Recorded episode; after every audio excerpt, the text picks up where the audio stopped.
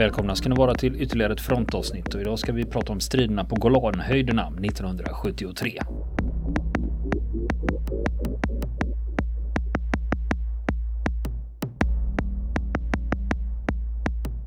Och nu fortsätter vi berätta historien om striderna vid Tel Saki på Golanhöjderna. Och nu har löjtnanten då, den sårade löjtnanten på kullen, liksom nu är han förvissad om att man har inte en chans att stå emot en förnyad syrisk attack.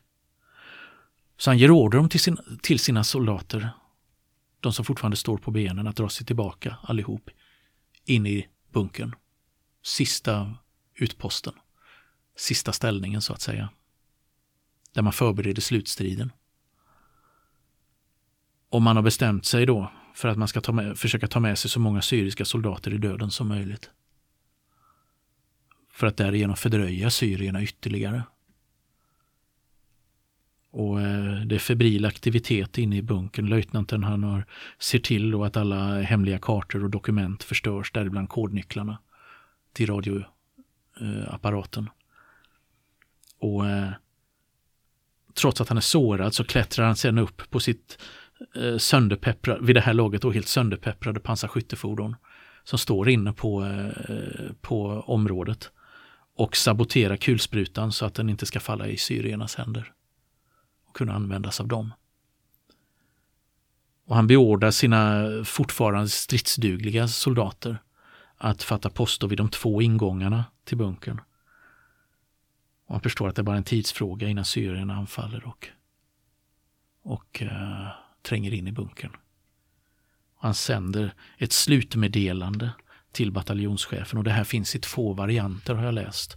Jag vet inte, faktiskt inte vilket som är den rätta ordalydelsen. Då. Men eh, enligt den ena versionen så skickar han Detta är Menachem. Syrierna befinner sig vid bunkeringången. Detta är slutet. Säg farväl till pojkarna. Vi ses inte mer. Och enligt den andra så inleds det mer formellt då. Chefen, detta är kalcium 616B. Hälsa alla, vi ses inte igen. Hälsa våra familjer, tack för allt, klart slut. Och därefter är det tystnad. Syrierna, de har avlyssnat radiotrafiken och misstänker att det här är ett trick och inleder ett nytt artilleribombardemang mot kullen för att mjuka upp försvaret. Och Ansbacher ger order till de soldater som ännu är på benen att göra en utbrytning ur bunker för att anfalla syrierna i ryggen så att säga, som kommer från andra hållet, uppför kullen. Men just när de gör sig redo att storma ut ur bunkern så slog några ryska artillerigranater ner alldeles i närheten av bunkeringången och splitter och stötvåg kastar dem tillbaka men det mesta av splittren tas emot av liken av deras kamrater som ligger vid ingångarna. Man har medvetet börjat stapla liken där som skydd. Som sandsäckar? Som sandsäckar, precis. Och eh, planen att göra det här anfallet misslyckas alltså. De drar sig tillbaka in i det innersta rummet i den lilla bunkern. Och syrierna de fortsätter skjuta som besatta mot, eh, mot eh, bunkern med raketgevär och kasta handgranater. Och eh, ytterligare två soldater stupar på den israeliska sidan och i stort sett de flesta övriga är sårade vid det här laget där inne. Och syrierna de har också avfyrat någon form av granat genom en bunkervägg och sen kommer två handgranater efter detta. Några dödligt sårade. Nästan ingen oskadd. Men syrierna sticker inte in huvudena för att kolla om någon har överlevt där inne. För de är fortfarande rädda för att någon är i liv och kan skjuta dem. Eller att det är någon form av bakhåll. Som väntar. Så stor respekt har de då för de israeliska soldaterna. Så att de håller sig där utanför och bara bevakar så att ingen dyker upp. Och Ansbacher, han ger order till sina, eller man väntar på den israeliska sidan så är man dock övertygad om att nu kommer de snart. Så Ansbacher han ger order till sina män att dra ut sprintarna ur sina handgranater och förbereda sig för att ta med syrierna i döden, så att säga. Genom att de detonerar de här då samtidigt. Självmordsattack, eller vad man ska kalla det.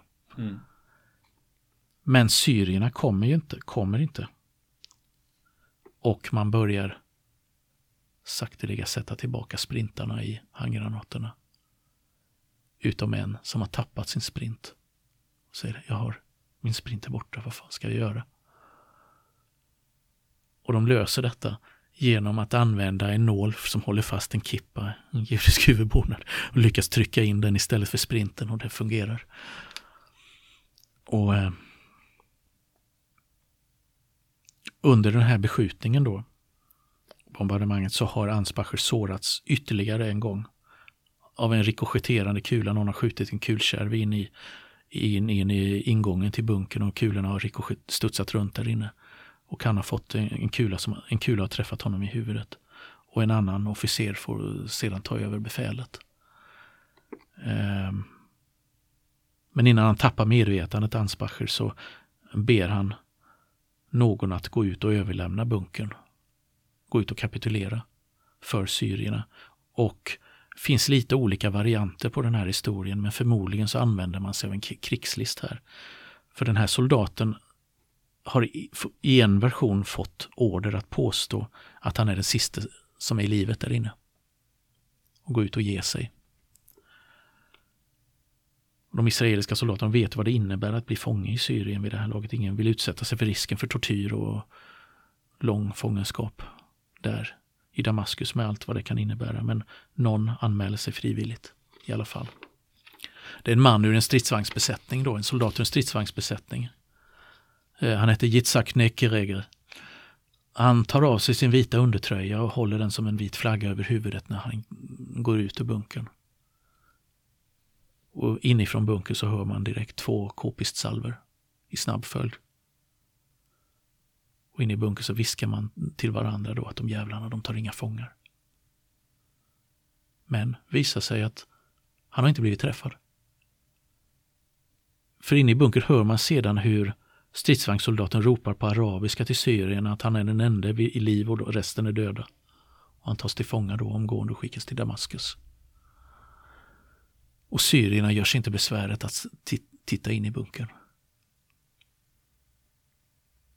Och där inne då på golvet och överallt, där ligger, ligger de precis som de hade fallit. Och där ligger man hela resten av dagen och väntar. Och en man, en av soldaterna, han stönar och skriker av smärta. Där inne man försöker, så länge han hade krafter, de andra försöker förtvivlat få tyst på honom. Då. Men den sårade då, han har förlorat hörseln och hör inte när de pratar med honom.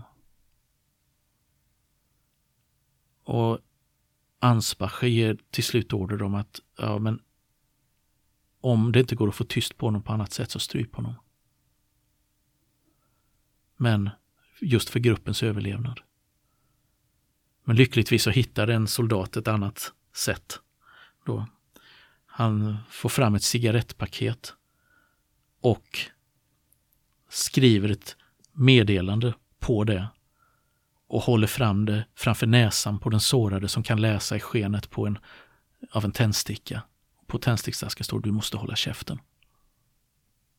Och han biter ihop och slutar skrika. Då kan man undra, liksom, köper syrierna historien då? Inne i bunkern så kan man naturligtvis inte vara säker på det, men i alla fall, ingen syrisk soldat sticker in huvudet.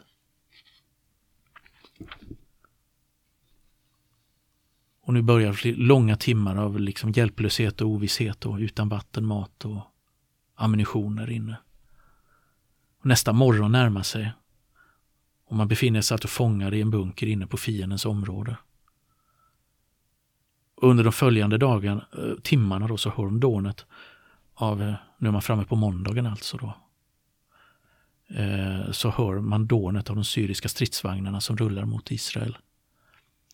Och där inne så pratar man, i bunker så är det ganska tyst, man pratar knappt med varandra. På, på sin höjd så viskar man till varandra för att inte någon på utsidan ska höra att det fortfarande finns någon vid liv där inne. Men hur ska man kontakta omvärlden? Ja, det här är fortfarande på natten, alltså gryningen har inte kommit utan gryningen närmar sig fortfarande. Eller ligger, ligger ännu framför dem, så det är fortfarande mörkt ute.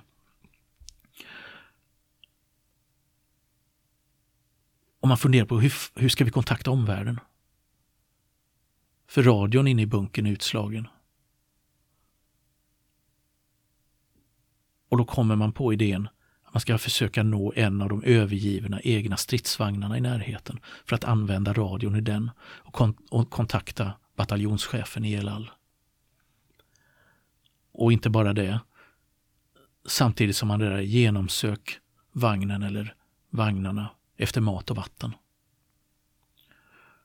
Och en fallskärmsjägare då som heter Shlomo Avital och en annan soldat de anmäler sig frivilligt. Och i skydd av mörkret så smyger de ut, ålar förbi syriska soldaterna och når en av stridsvagnarna nedanför kullen. Och där får de igång radion och rapporterar till El Al då att de flesta mot alla odds ännu är i livet i bunkern. Men att så gott som alla är sårade, mer eller mindre svårt. Och de ber om undsättning. Och major Jair, man kan nästan förstå att han håller på att ramla av stolen borta i eh, sin bunker när han plötsligt hör en, en röst som talar lågt på radion. Och identifierar sig som en, en av soldaterna på eh, Telsaki. Och de talar ju lågt naturligtvis därför att ingen ska höra att det pågår en radiosändning inifrån en stridsvagn. Att någon av de syriska soldaterna ska höra det. Alla döda eller sårade, skynda er att ta oss härifrån. Rapportera dem. Och eh, Jair han har fullständigt eh, liksom eh, av, avpoliterat Telsaki. Han trodde att den var helt utslagen, den posteringen och att alla var borta som var där. Och så visade det sig att de, fort, att de fortfarande är i livet. Och där inne liksom i den här bunk, trånga varma bunkern, det trängs ett 30-tal man. Då. Mer eller mindre illa tilltygade. Och bataljonscheferna svarar att de, de ska hålla ut för att undsättning är på väg. Och Avital och hans kamrat de återvänder till bunkern då. De har hittat lite vatten och något att tugga på också. Men framförallt de har goda nyheter med sig då, att budskapet har nått fram. Och nu vet deras kamrater där borta att de ännu är i livet och att undsättning är på väg. Så att stämningen den stiger ju där inne i bunkern trots allt, trots att det är så eländigt. Det är ju det här med hopp. Mm. Att nu finns det i alla fall en, nu finns det nu hopp, finns ja. i alla fall en strimma av uh, Mm. en chans att de skulle bli undsatta. Precis. Och så är det måndag den 8 oktober, gryningen. Inifrån bunkern så noterar man motorbullret. Inte riktigt stämmer med vad man har förväntat sig. Det är stridsvagnar som kör hit och dit, det verkar råda förvirring. En del av dem kör norrut, andra kör mot norr och en del kör mot väster. Och löjtnant Ansbacher som har piggnat till ber pansarsoldaterna som han har hos sig att försöka tolka vad det är som händer där utanför. Eh, tolka ljuden och liksom försöka se något mönster i det hela. Men ingen kan säga säkert vad som pågår utan alla kan bara hoppas. Och eh, Så småningom så hör man också hur stridsvagnarna, de syriska stridsvagnarna drar sig tillbaka. Man hör hur bullret försvinner mot fjärran och drar slutsatsen att israelerna har inlett ett motanfall. Och vid lunchtid så träffades kullen av ett artilleribombardemang. Israeliskt sådant. Och inne i det innersta rummet så hör de två syriska soldater som samtalar som har tagit skydd undan granaterna i det yttre rummet. Och ett ögonblick senare så kastas plötsligt en handgranat in i det inre rummet. Eller mot det inre rummet och så gott som allihop peppras med eh, splitter. Men ingen ger ett ljud ifrån sig där inne för de vet vad som skulle bli konsekvenserna då. Men syrierna går inte in längre i bunkern. Och en timme senare så upprepas den här proceduren. ny handgranat. En ny salva från ett automatvapen in i eh, bunkeringången. Och eh, av andra syriska soldater som passerar och som tillfälligt tar skydd där. Och inte heller den här gången så kommer de in för att kolla läget. Och under tiden då borta i bataljonsstaven, så eh, klättrar bataljonschefen Jair och uh, hans tre fallskärmsjägare upp på bunkerns tak och observerar en framryckande syrisk styrka bara 3 eller 400 meter från El Al. Och marken skakar och det dånar av stridsvagnar och fordon. Och eh, liksom konstaterar att eh, ja, det finns ingenting som längre kan stoppa den syriska armén. Och, det tror, och han tror att alla i Telsak vid det här laget, nu måste de vara döda. Däremot så vet han att nästa operations, eller observationspost 116 fortfarande håller ut. Och han är fast besluten om att försöka undsätta dem och få ut de sårade därifrån. Och samtidigt eh, samla ihop liken vid Telsaki.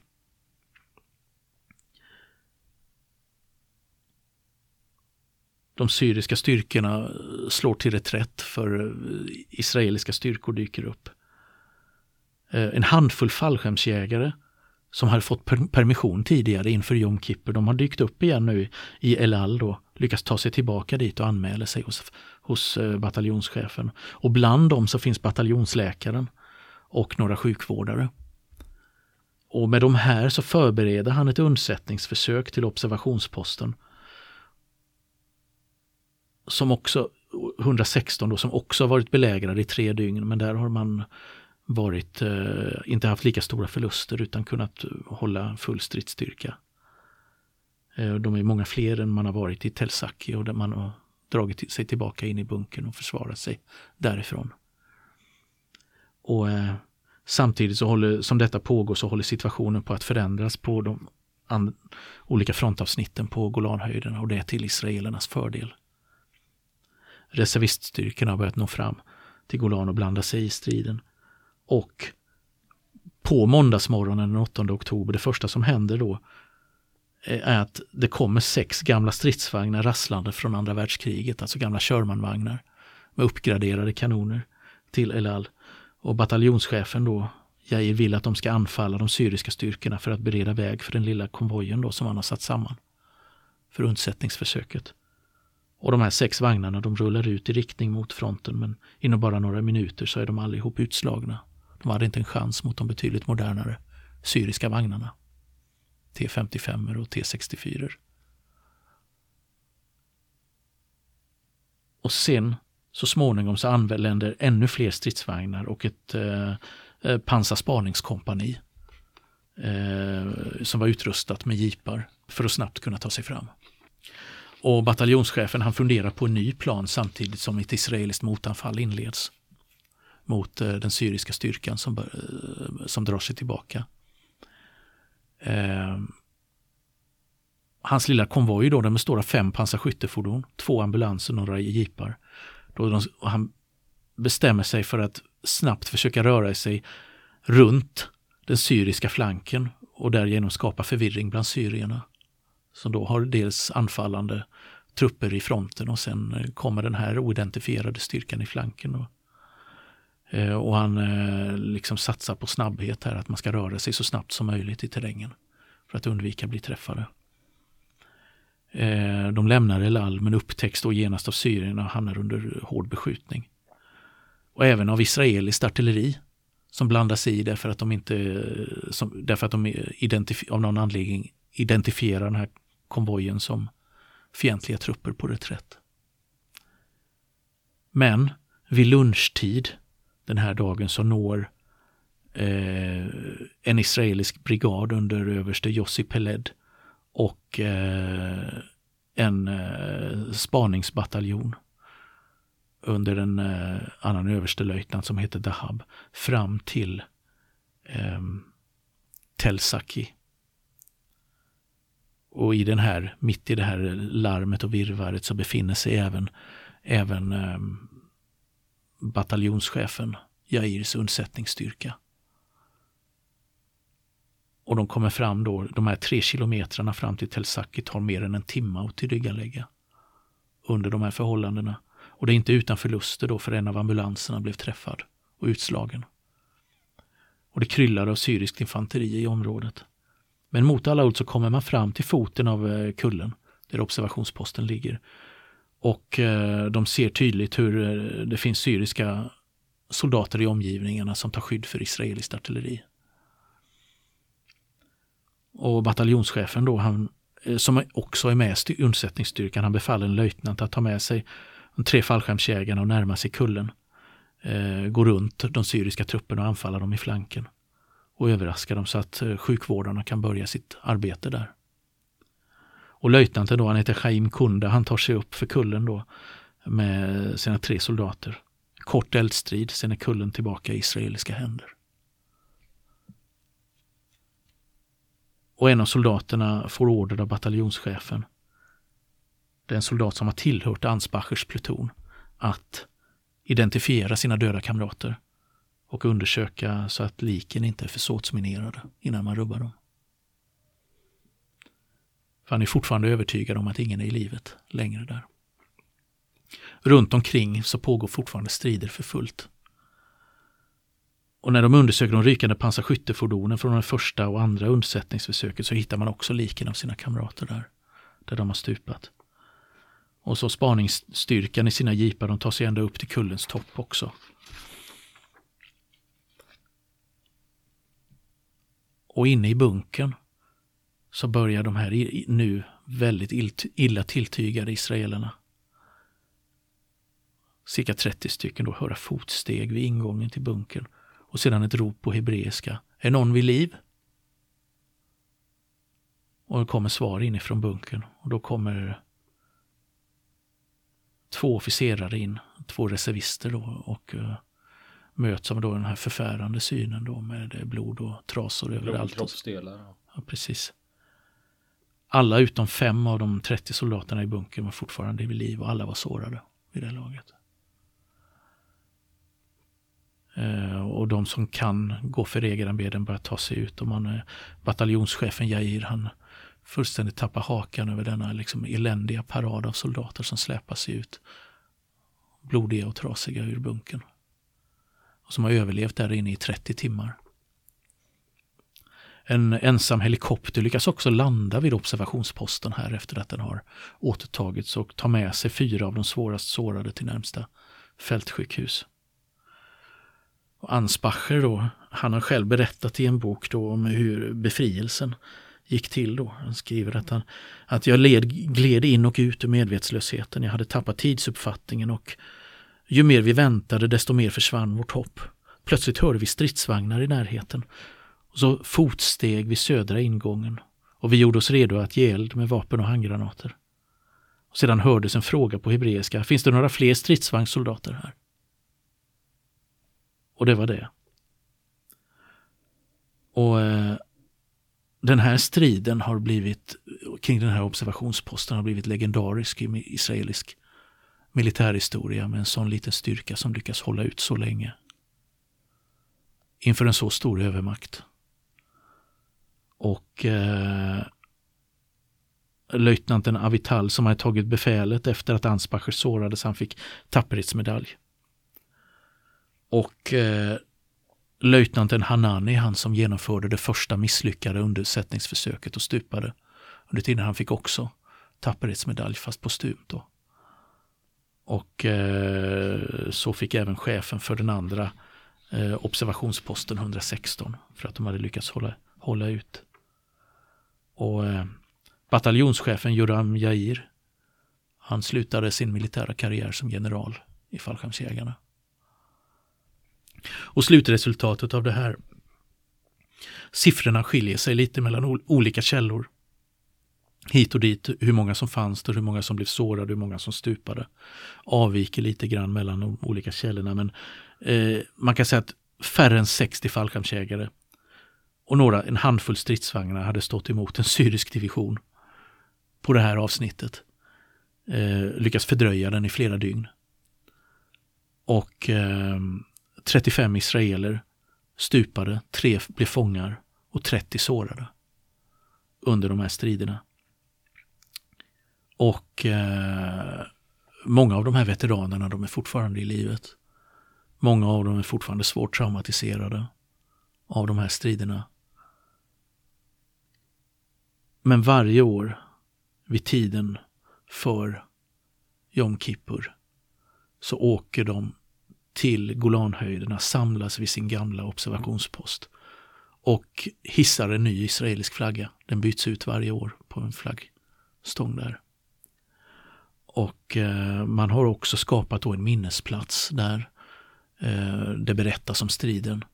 Och där, eh, där eh, det, man också har bevarat delar av den ursprungliga bunkern på observationsposten. Eh, det är fortfarande militärt område men det går att besöka eh, den här platsen ändå. Eh, delar av originalbunkern har flyttats till en plats bredvid som är lättare tillgänglig då så man kan, be, kan beskåda den. Och det har satts upp ett monument över de stupade på platsen också. De stupade israelerna. Eh, de syriska förlusterna är okända. Det finns ingen statistik över dem i den här striden. Och eh, ja, det var alltså den här historien om den här osannolika, liksom eh, osannolika striden kring en enda liten kulle på, på Golanhöjderna under detta stora våldsamma kriget hösten 1973 som vi får tror jag, skäl till att återkomma till fler gånger. Tänkte bland annat berätta lite mer om eh, Tårarnas dal i ett annat avsnitt av fronten längre fram. Men det får vi återkomma till. Men det känns lite som om alla, eller inte alla, men många nationer har sådana här historier. Mm. Så liksom just det där the last stand. Eh, jag menar, amerikanerna har ju sitt Alamo mm. och britterna mm. har Rorks drift. Ja, just det. Och, så det. Och det är någonting som kittlar i de här historierna. Ja the last stand liksom på något mm. sätt. Vare sig de överlever eller de stupar just där. Kompromisslösa. Ja, och fransmännen har ju Dien Bien Phu i Precis. Vietnam. Ja. Det finns ju flera sådana här historier. Precis, det gör ju det. Det finns en bok också. Det finns en amerikansk bok som handlar om eh, den här striden också. Eh, den fokuserar egentligen på en enda person som var med i den här striden och som stupade där. En släkting till, eh, till författaren av boken då som har rekonstruerat vad som egentligen hände på den här kullen under Jom Kippur-kriget. Den heter Crying for Imma. Och författaren heter Hallie Lerman och den kan hittas på bokhandlarsajter som Amazon och så vidare, andra fortfarande, den är fortfarande i tryck. Mm. Och där hon har intervjuat eh, många av veteranerna, däribland löjtnant Ansbacher, om eh, striderna. Och många av dem ville från början inte ens ställa upp och prata om det, men eh, gjorde det till slut efter envis övertalning. Och eh, den här, det är en mycket läsvärd bok. Mm. Och apropå det här med Last Stand, ja, vi, det kommer att komma ett frontavsnitt nu under våren som handlar om en, eh, ett isolerat förband som eh, står ensam mot en övermäktig fiende. Det handlar om brittiska styrkor i Irak. Men det kommer mm. att komma ett eh, frontavsnitt om det senare i vår. Här. Vi tar det som hot eller löfte. Ja, men det, är, men det, är alltså, det är ju så, vi håller utkik efter bra historier. Mm. Och det du berättar nu om Telsaki, det är ju en fantastisk historia. Det är det. Verkligen. Värd att berätta. Det är det. Vill ni komma i kontakt med oss så kan ni göra det via vår Facebook-sida som heter Fronten. Det är inga problem för er att leta er fram där. Eller också så mejlar ni på vår mejladress och det är frontenpodcastgmail.com.